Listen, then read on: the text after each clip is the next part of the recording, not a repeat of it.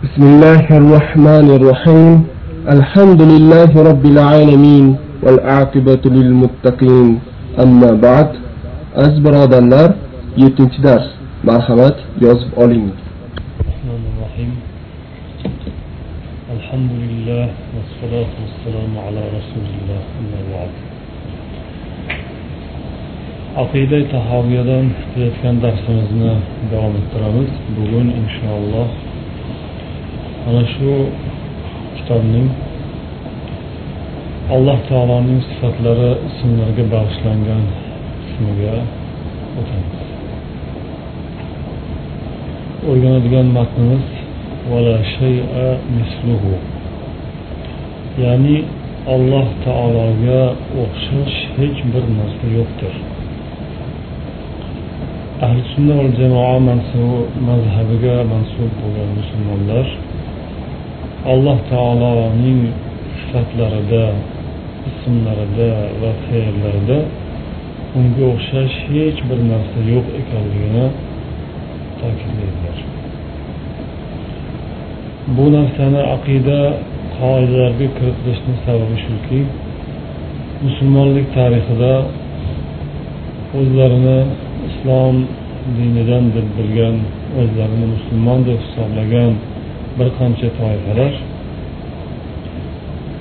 Mana shu masalada adashib turli xil yo'llarga kirishib ketgan ekanlar.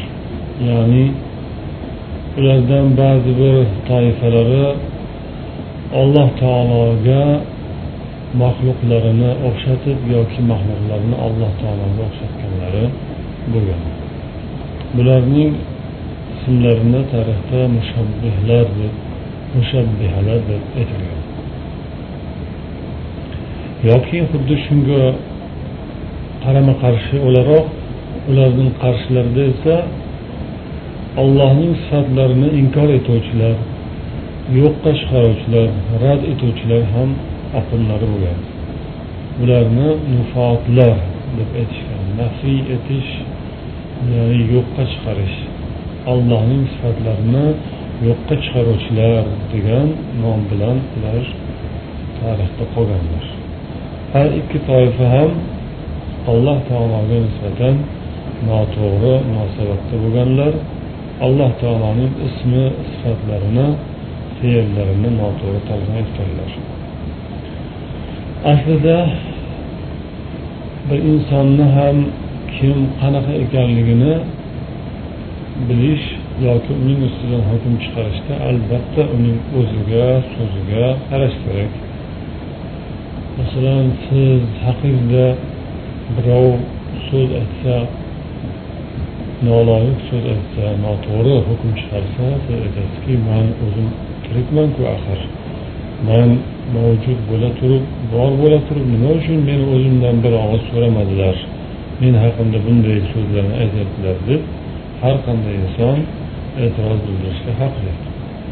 Xuddi shunga o'xshab alloh taolo ham u azaliy va abadiy mavjud zot ekan uning kimligi qanday ismu sifatlarga ega ekanligi haqida so'z yuritish birinchi galda ollohning o'zining haqqi va ollohni hammadan ham ko'ra yaxshiroq taniydigan biladigan zotlar payg'ambarlarning haqlaridir. Shuning uchun ham alloh taolo o'z haqida aytgan so'zi o'zi haqida bergan ma'lumoti xabarlari va shu bilan birga uning ishonchli vakili rasuli elchisi payg'ambarlar bergan ma'lumot axborotga suyangan holda biz alloh taoloni sifatlari ismlari haqida so'z yuritishimiz mumkin.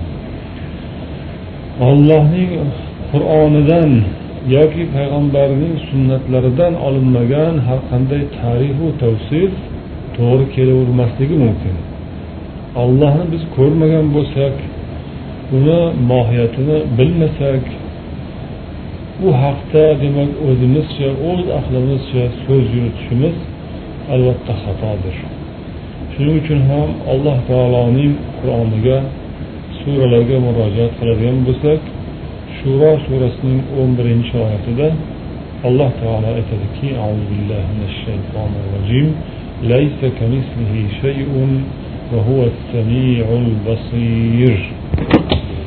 Yani unga o'xshash hech bir narsa yo'qdir u olloh hamma narsani eshituvchi va ko'rib turuvchidir alloh taolo o'zini o'zi maxluqotlarga mavjudotlarga bizga tanitilyaptiki unga hech bir narsa o'xshamas ekan. Uni hech qanday hayolga keltirib tasavvur qilib ko'z oldimizga gavdalantirib o'ylash uni ko'z oldimizga kelib keltirib ko'rish mumkin emas. Va u har qanday so'zlarni tovushlarni eshituvchidir bizni eshitishimiz yoki ko'rishimiz umuman allohning eshitishi va ko'rishidan farqlidir. Biz eshitishda ko'rishda quloq ko'z kabi a'zolarga muhtojmiz. Shu a'zolar bo'lmasa ko'rolmaymiz eshitolmaymiz. Lokin shu a'zolarimiz bilan ham hamma narsani ko'rolmaymiz yoki eshitolmaymiz. Biz eshitganimizda o'sha alloh taolo o'zi o'lchlab bergan darajasini me'yorini eshitamiz. Quloqni tuzilishi uni ishlash tarzi tartibi uni toqati kuchi quvvati boshqasi haqida bizdan ko'ra mana fan olimlari fiziklar buni yaxshiroq biladilar. Oddiy quloqlar bilan eshitib bo'lmaydigan tovushlar ham bor. Tabiatda hayotda mavjud. Ularni inson eshitolmaydi. Ularni harakatidan bexabar masalan mana shu qattiq jismlar tog'u toshlar jamoadot yoki nabotot o'simliklar dunyosi hammasi harakatda va hammasini o'ziga yarasha ovozi bor tovushi bor. Lokin bu tovushni inson eshitolmaydigan tarzda qilib qo'ygan alloh taolo. Yoki bo'lmasam undan yuqoriroqda ham bir tovushlar borki u insonning qulog'i toqati uni qabul qilishga yaramaydi. Agar o'shanday tovush yuboriladigan bo'lsa inson halok bo'ladi. Ovoz bilan halok bo'lishi mumkin. Bu haqda qur'oni karimni boshqa oyatlarida allohga itoat qilmagan qavmlar qabilalarga qattiq bir ovoz yuborib ularni halok qildik degan ma'lumotlar bor. Shunday qilib eshitish masalasida inson ojiz olloh belgilab berganiga eshitadi. Olloh esa hammasini eshitadi. Shivirlab gaplashilganni ham va shivirlaganda ham maxfiyroq bo'lgan tovushlarni ham alloh taolo eshituvchidir ko'rganda ham ko'rishda ham allohning ko'rishi bu cheksizdir. Hech bir narsaga o'xshamaydi. Insonni esa ko'rish qobiliyati cheklangan juda ham sekinlik bilan harakat qilayotgan narsani inson ko'rmaydi juda ham qattiq tezlik bilan harakat qilayotgan narsani ham inson ko'rmay qoladi.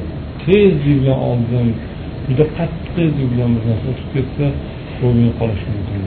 Ovozsiz lokin juda ham yuqori tezlik bilan o'tsa yoki juda ham sekinlik bilan yursa masalan soatni minutni inson oddiy ko'z bilan ilg'ay olmaydi. Alloh esa hamma narsani ko'rib turuvchidir. Mana shu oyatda mana shu birgina oyatda biz yuqorida eslatgan ikki xil toifani har ikkoviga ham raddiya bor. Ya'ni allohning ismi sifatlarida noto'g'ri yo'lga ketib qolganlar mushabbihalar va mufotlar muattilalar ham deb aytiladi. Mushabbihalar ollohni boshqa narsaga o'xshatuvchilar muattilalar yoki mufotlar esa allohning sifatlarini yo'qqa chiqaruvchilar. Har ikkovlariga mana shu oyat javob bo'lar ekan raddiya bo'lar ekan. Oyatning birinchi qismi u hech narsaga o'xshamaydi degan qismi bu mushabbihalarga raddiya allohni o'xshatadiganlarga raddiya ikkinchi qismi u eshituvchidir ko'ruvchidir degani ollohning sifatlarini rad etuvchilarga raddiyadir ya'ni allohni sifatlarini qanday qilib rad etadi desa ollohni sifatlarini gapirsak bor desak unda alloh taoloni maxluqqa o'xshatgan bo'lib qolamiz deb vahima va vasvasaga berilib ollohning sifatlarini inkor etadiganlar ham bo'lganlar. Ularga mana shu basir alloh taolo juda hamma narsani eshituvchidir va ko'ruvchidir degani bu allohning e, demak sifatlari eshitish sifati ko'rish sifati borligini ta'kidlaydi. Alloh taoloning yana boshqa bir qancha sifatlari ismlari borki buni bizga ollohning o'zi va payg'ambarimiz muhammad sollallohu alayhi vasallam o'rgatganlar.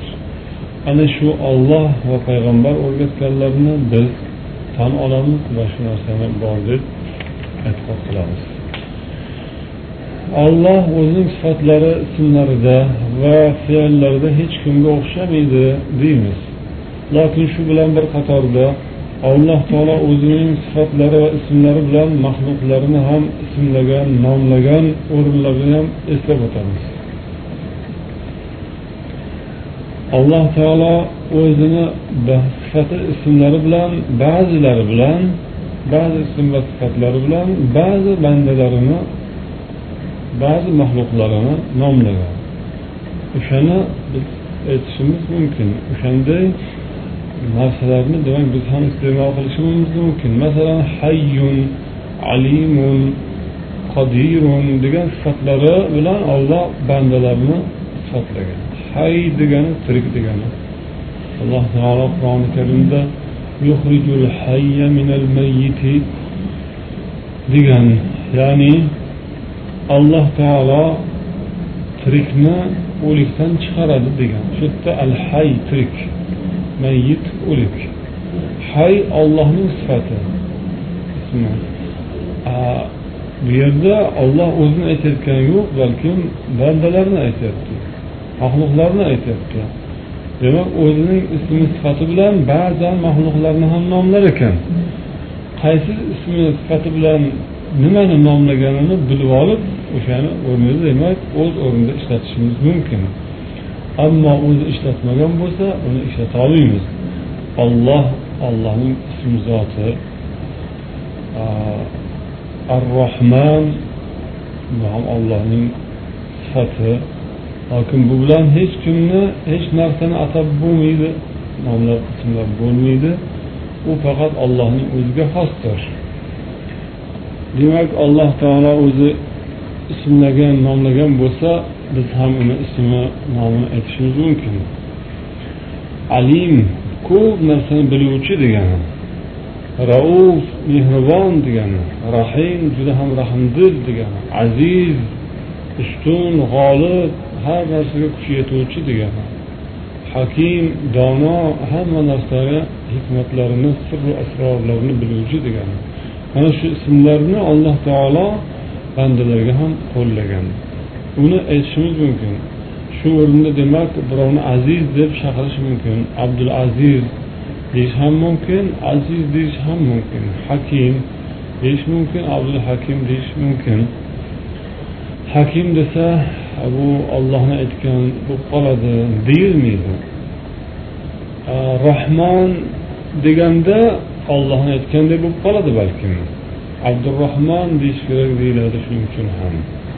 Ammo o'zi sifatlagan bo'lsa o'zi aytgan bo'lsa buni qo'llash mumkin. Lokin bir narsani esdan chiqarmaslik kerakki laysal musamma kal musammi deb mana aqida tahoviya sharhida aytadilarki nomlangan narsa bilan nomlovchi barobar bo'lmaydi.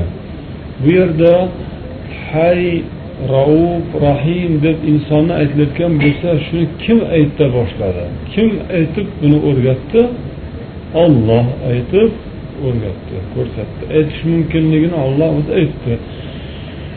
Nomlovchi ollohning o'zi nomlangan esa maxluq. Hech qachon nomlovchi bilan nomlangan barobar bo'lmaydi. Bu yerda demak al hay bilan al hay barobar emas. Al aziz bilan al aziz barobar emas. Ya'ni ollohni sifati al hay bilan bandadagi al hay sifati barobar emas. Demak e, ibora bir xil lafz bir xil lekin ma'no bir xil emas. Allohni al hay deganimizda iltizosi bo'lmagan intihosi bo'lmagan doimiy ravishda azaliyu abadiy tirik deganimiz. Insonni aytsak bu ma'lum bir muddatda tug'iladi ma'lum bir muddatda yashab vafot etadi. Allohning tirikligiga suv oziq ovqat havo jon ruhu qon kerak emas. Ammo insonning tirikligi uchun bu narsalar shart. Bular siz bularsiz inson tirik bo'lolmaydi. Demak u tiriklik bilan bu tiriklikning farqi bor. Ismi bir xil bo'lsa o'zi ham bir xil bo'lmaydi hech qachon. Mehribon deganda ham rauf allohning mehribonligi bilan hech qachon bandaning mehribonligi barobar kelmaydi. U mehribonlik bilan bu mehribonlikni o'rtasida albatta farq bor. Demak shunday qilib olloh o'zi nomlagan ismlarni qo'llash mumkin.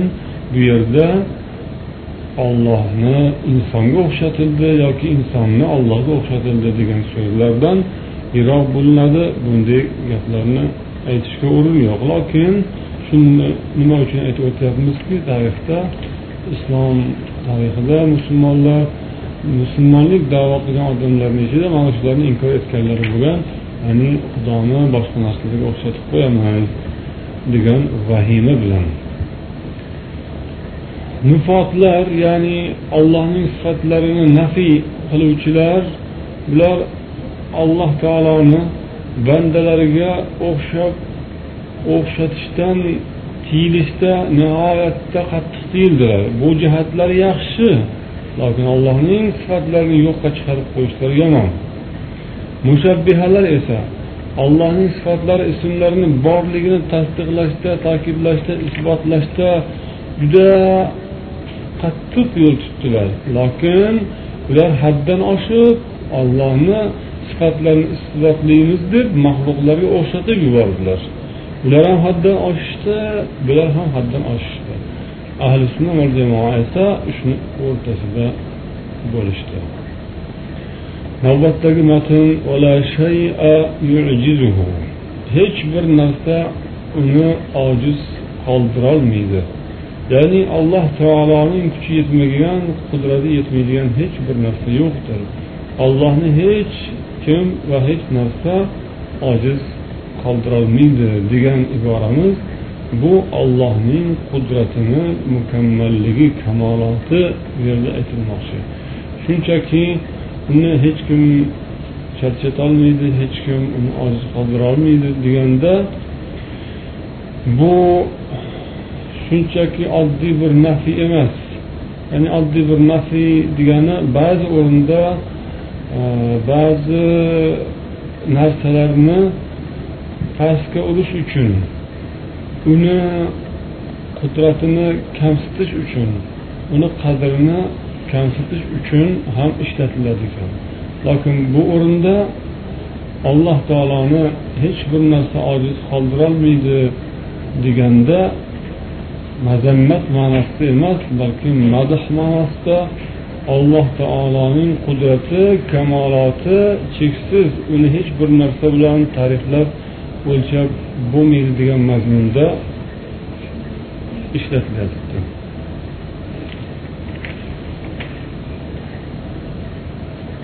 alloh taoloni siz bilan bizga hali aytilmagan xabar berilmagan ism va sifatlari ham borligini eslab o'tamiz. Biz ollohning to'qson to'qqiz ismi sifati bor deb o'rganganmiz. Lokin shugina xolosmi deb aytilsa yo'q. Bu ollohni mavjud ismi sifatlari soni sanog'i haddi hisobini hech kim bilmaydi. U juda ham ko'p. Shulardan to'qson to'qqiztasini bizga xabar berilgan. Kimki shuni yodlasa o'qib o'rgansa jannatga kiradi degan payg'ambarni hadislari bor. Ya'ni bu degani shu ismi sifatlarni taqozosi bilan hayot kechirsa degan. Ya'ni al g'afur ar rahim bu ismlar bilan qanday qilib shu ismlarga amal qilish mumkin deyilsa al g'afur har qanday gunohlarni kechiruvchi zot degani demak gunohi bor odam tavba qilsin degani. Har qancha ko'p gunoh qilgan bo'lsa ham tavba qilib istig'for aytsa kechadi degani. Al malik olloh podshohdir degani. Bunga qanday qilib amal qilish mumkin deyilsa podshohman deganlar eslasinki haqiqiy podshoh ollohdir degani. Shunday qilib amal qilish mumkinki haqiqiy kattalik haqiqiy manmanlik ollohga yarashadi. Undan boshqasiniki vaqtincha manman degan podsholar ham yer yuzini yarmini egallagan butun dunyoni bu chetidan turib zirqiratganlar u chetida bittasi turib olib bu chetida bunisi turib olib zirqiratganlar biri gitlerdir biri stalindir. Lekin mana bugun unisi ham yo'q bunisi ham yo'q. Ya'ni podshohlik haqiqiysi ollohniki xullas kalom bu ismi sifatlarga shunchaki bularni shunchaki yodlab olish emas bularga amal qilib o'tsa jannatga kiradi degan hadislarni bilasizlar. Endi bu yerda alloh taoloni hali bizga ma'lum bo'lmagan bandalariga hech kimga bildirmagan payg'ambarlarga ham bildirmagan sifatlari bor ekanligini biz hadislardan o'qib bilamiz. Payg'ambar sollallohu alayhi vasallam ollohdan duo qilib so'rayotgan paytlarida o'rgatgan duolarning ishlarida اللهم إني أسألك بكل اسم هو لك سميت به نفسك ey olloh seni hamma ismlaring bilan so'rayman sendan hojatimni barcha ismlaringni o'rtaga qo'yib shu ismlaring sharofati barakoti bilan so'rayman degan duolarning davomida o'sha sen o'rgatgan ismlaring yoki hech kimga o'rgatmasdan o'z ilmu g'aybingga alohida o'zingga saqlab qo'ygan ismlaring bilan so'rayman degan duolar bo'lgan edi. Demak mana shundan ko'rinadiki hali hech kimga o'rgatilmagan bildirilmagan yashiringan ismlari sifatlari ham bor ekan. Navbatdagi matn vala ilaha g'ayruhu undan boshqa xudo hech bir xudo yo'qdir. Bu tavhid kalimasi la ilaha illalloh kalimasi undan boshqa ollohdan boshqa hech bir xudo yo'qdir. Bu ma'no barcha payg'ambarlar chaqirgan shu kalimaga chaqirishgan mana shunga amal qilishga undaganlar uning zikri yuqorida o'tdi avvalgi darslarimizda. Payg'ambarlarni kelishdan hikmatlari asosiysi mana shu. Lokin bu yerda ham e'tibor beriladigan nuqtalar borki la ilaha g'ayruhu la ilaha illalloh degan kalimada ollohni mavjudligi undan boshqa xudo yo'qligini isbotlashda o'ziga xos bir yo'lni ko'ramiz. Ya'ni bu yerda shunchaki xudo bor deb qo'yilmayapti. Olloh bordir xudo bordir degan so'zni o'zi bilan cheklanmasdan undan boshqa xudo yo'qdir degan tarzda aytilyapti. Ha shundoq to'g'ridan to'g'ri xudo bor deb qo'ysa bo'lmasmidi xudodan boshqa ollohdan boshqa yoki undan boshqa xudo yo'qdir deganni ma'nosi nima? Xudo bordir degan so'zdan buning farqi nima? Bir qarashda farqi yo'qdek tuyuladi. Lokin chuqurroq o'ylab qarasangiz bu juda ham bir muhim ahamiyatli narsa ekanligini anglaysiz. Buning misoli tarzida masalan baqara surasini bir yuz oltmish uchinchi oyatida alloh taolo o'zi va ilahukum ilahun vahid deb sizlarning xudolaringiz yakka xudodir degan so'zni marhamat etgandan keyinoq uning keyinidan la ilaha illa huvar rohmanir rohim deb davom ettiradi. Ya'ni ar rohmanir rohim bo'lgan ollohdan boshqa xudo yo'qdir deydi. Avvalda sizning xudoyingiz yakka bitta xudodir deganda balkim shayton vasvasa qilib ko'ngilga keltirishi mumkin ekanki ha bizni xudoyimiz bitta xudo. Bizni bitta xudoyimiz bor ekan. Ha boshqalarni ham bittadan bittadan xudosi bor degan vasvasa kelishi mumkin. Xudo bor deb qo'ysachi xudo bor deb qo'ysa eshitayotgan odam sizga raqib bo'lsa sizdan boshqacharoq fikr bilgan bo'lsa boshqacha dunyoqarashga ega bo'lsa siz xudo bor deganingizda ham sizni o'ylaganingizcha xudo bor manimcha ham xudo bor deydi. Sizning xudoyingiz qanaqa? Mani xudoyim mana bunaqa degan so'zga o'rin qolardi. Xudo bor degan so'z bilan kifoyalansa ha xudo bor sani o'zingni xudoying bor mani o'zimni xudoyim bor degan so'z davoga o'rin qolgan bo'lardi. Shunday davolarga o'rin qolmasin uchun la ilaha g'ayruhu tarzida berildi bu qoida. Undan boshqa hech bir xudo yo'qdir. Tavhid kalimasida ham allohu mavjud deb aytilmaydiku lekin la ilaha illalloh deyiladi. Shu la ilaha illalloh demaguncha demak u islom kalimasini islom shartini bajo qilgan bo'lmaydi. Shuning uchun ham islom besh narsa ustiga bino qilindi deganda birinchi nima desa shahadatu alla ilaha illalloh.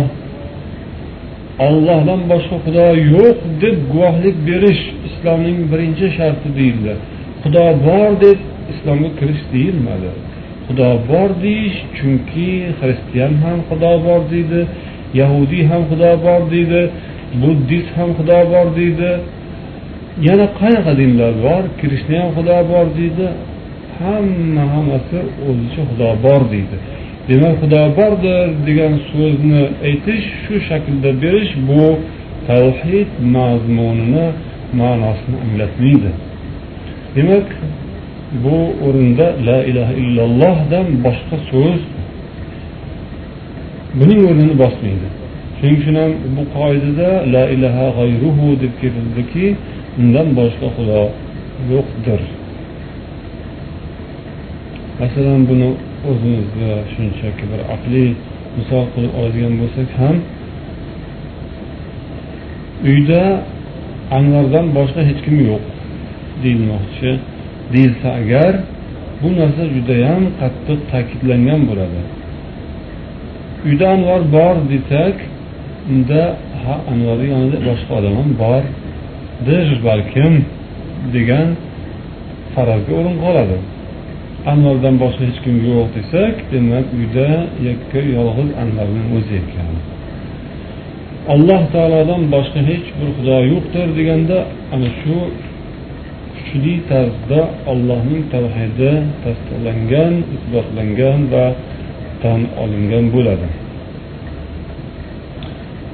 navbatdagi matnimiz قديم بلا ابتداء دائم بلا انتهاء aqida tahoviyani bu mazmuni shundan iboratki olloh ibtidosiz qadimdir intihosiz doimdir. Ibtidosiz degani boshlanishi yo'q avvali yo'q. Intihosiz degani o'z o'zidan ma'lum tushunarliki oxiri yo'q tugaydigan vaqti yo'q tugaydigan muhlati yo'q. Qadim degani lug'aviy ma'nosi eski degani. Doim bu hamisha doim degani. Sharhida aytadilarki bu so'zdan murod qur'oni karimdagi hadis surasining uchinchi oyatida huval avvalu val oxir oyatining mazmuni ifodalanmoqchi. Ya'ni u alloh taolo al avvaldir al oxirdir eng avvalgi zotdir eng oxirgi zotdir. Al avval ya'ni hammadan avval olloh bor edi. Undan avval hech narsa yo'q edi. Hamisha azaliy ollohning o'zi mavjud edi. Al oxir hamma yo'q bo'lib ketadi oxirida ollohning o'zi qoladi degan. Mana shu kalimalar ya'ni qadimun bila ibtidainning sharhida shorih aytadilarki bu qadim degan so'z alloh taoloning aslida sifatlaridan ismlaridan emas. Allohning asmoi husnosi go'zal ismlari ichida al qadim degan yoki addaim degan ism va sifat yo'q. Bu narsa keyinchalik qo'shilgan. Salaflar davrlarida sahobalarda tobeinlar davrlarida ularning tillaridan hech qachon allohni qadim deb yoki doim deb ta'riflanmagan sifatlanmagan. Shuning uchun ham bu o'rinda bu aqida tahoviyaning mualliflari bu so'zni ishlatmasalar yaxshi bo'lardi deb bir e'tiroz bildirib ketganlar. Bu shorih sharh qiluvchi kishi.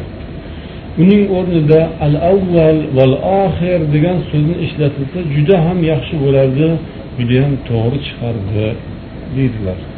Lekin bu qadim degan so'z doim degan so'z qayerdan keldi deb so'ralsa bu ahli kalomlarni kiritgan tariflari bo'ldi. Ahli kalomlar deb nomlangan toifa oqim islomda aqida bobida e'tiqod bobida shunga o'xshash ko'p istilohlarni joriy qilishgan lokin bu istilohlarning ko'pi mohiyatan mazmunan islom aqidasiga muvofiq kelmaydiganlari ham kirib ketib qoldi. Jumladan mana shu qadim degan so'z ham ahli kalomlar tomonlaridan kiritildi.